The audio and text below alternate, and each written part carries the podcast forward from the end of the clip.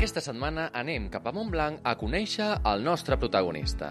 Em dic Josep Maria Cortés, tinc 70 anys, vaig néixer a Montblanc i he viscut quasi sempre a l'illa, que bueno, és un poble agregat a Montblanc, una pedania. Ara actualment la residència fixa és a Montblanc. Tinc tres fills i tinc tres nets. Josep Maria Cortés, montblanquí força arrelat i vinculat a la cultura del seu municipi. Vaig jugar a futbol molts anys, vaig picar amb el Vall de Bastons encara més anys, el Vall de Bastons de Montblanc. M'he fet grau amb, gran amb la, una mica amb la filosofia dels Minyons Escoltes. Vaig pertànyer molts anys com a ranger, pioner, després Joan de Cap i Cap d'agrupament al, al cau de Montblanc. I des de fa uns 30 anys també sóc eh, membre de la colla joves dels xiquets de Valls. En Josep Maria destaca el treball en grup amb una filosofia de cohesió i coordinació. En tot el que és participar en grup, col·laborar en grup, saps que un depèn de l'altre. I un partit de futbol, per molt bo que sigui un jugador, no es guanya si tots els altres no, no hi treballen i no hi col·laboren. I un, i un castell, la, la mica de de tots perquè poder aixecar la mà a l'enxaneta dalt i descarregar-la. Fer pinya, cohesió i tirar endavant un projecte al Vall de Bastons, si els quatre no piquen sincronitzats, els dits es xafen. Un protagonista on la cultura i l'acció social corren per les seves venes i mai millor dit. I és que podríem dir que porta gairebé tota la vida sent donant de sang. Va ser, bueno, no casualitat no, va ser per desgràcia, diguéssim, o per sort. A L'any 71, el, la mare la van operar de càncer. I llavors el banc de sang com ara, que el banc de sang i teixits, vull dir, és un, una cosa potent, ben organitzada, era doncs, molt de cada hospital, i quan hi havia una operació demanaven als familiars que si podien o que donguessin sang perquè mm, no hi havia res si, si no era compatible amb el teu malalt o era amb el malalt del costat. I era dos, cada hospital tenia el seu i així n'han fet. Ens ho van dir i, bueno, clar, era una operació delicada, en aquell temps encara més, i, bueno, a donar sang. I, i és allò que ho senties a dir molt de tant en tant, no com ara que, gràcies a Déu, el, el món dels donants és molt més conegut i molt més pràctic i àgil i tot, vas a donar sang amb por, què passa? I no passa absolutament res. Dones sang, surts i fas la vida normal com feies abans. I dic, home, si això no et comporta cap mena de trasbals i pots fer la vida igual, busques, eh, per sort va anar bé, la mare es va morir en 97 anys, vull dir que i llavors no tenia 50 i tants, doncs dius, bueno, mira, amb un altre, amb ella n'hi van posar i va donar resultat i va, i va anar bé. Doncs a partir de llavors tenia 18 anys i a 70 doncs, són 52 anys, que quan, doncs, bueno, quan donava sang era 4 vegades l'any i després amb el plasma doncs, bueno, eren 7 o 8 o 10, o inclús en algun any fins a 12, doncs d'anar a donar sang o plasma i, i fas la vida normal exacte quan treballes i quan ja estàs jubilat, busques una estona i cap problema. Més de 50 anys d'acció solidària, primer amb la seva mare i després amb els altres. Com va ser aquell primer cop? No, no, la primera vegada més que nerviós, o, o més que por nerviós o més que nerviós por, no sé, era una cosa desconeguda que quan fas una cosa dius, ostres, què passarà? No ho sé, vull dir, hi vas anar potser sense saber, no potser, sense saber com anava, què passava, però sabies que mm, feia falta a la part que ens tocava.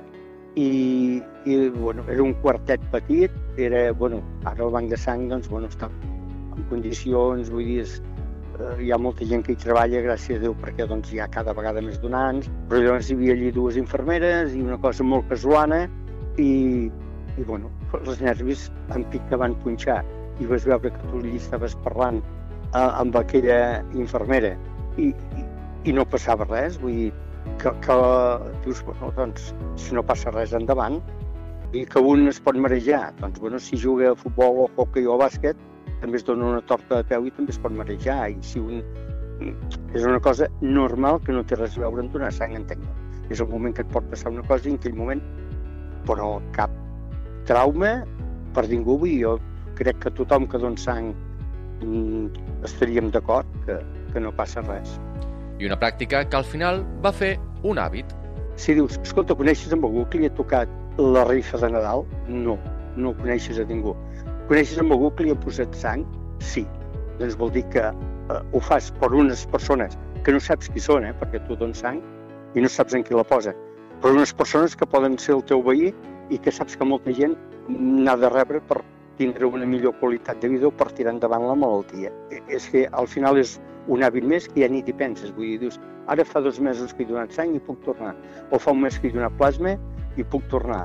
I, i vas, doncs, com eh, vas a veure el futbol si t'agrada o vas a, a fer natació si m'hi agrada o una, una activitat més que, sense cap mena de trasbals.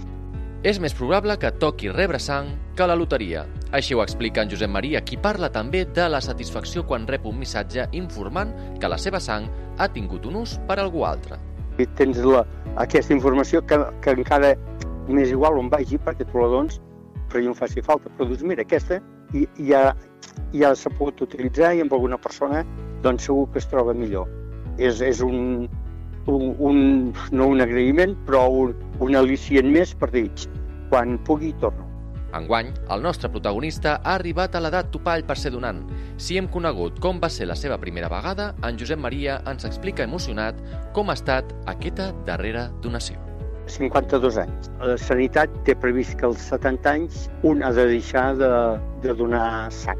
Els meus fills van dir, mira, com que nosaltres quan vam començar a donar, els fills 18 anys, els fills o els nets, eh, aprofitàvem un dia que hi anaves tu, doncs aquesta última vegada t'acompanyarem. Però llavors, bueno, el, el que té el jovent, van dir, oh, jo no puc vindre, jo tinc feina, jo vaig a fora, bueno, i aniré sol, que sempre hi he anat. I resulta que me'ls vaig trobar tots allà a la porta de l'hospital, esperant-me doncs, per, per acompanyar-me a l'última donació. I, ja que tu ens vas acompanyar a la primera, nosaltres t'acompanyem a la teva última. I bueno, va ser, va ser motiu.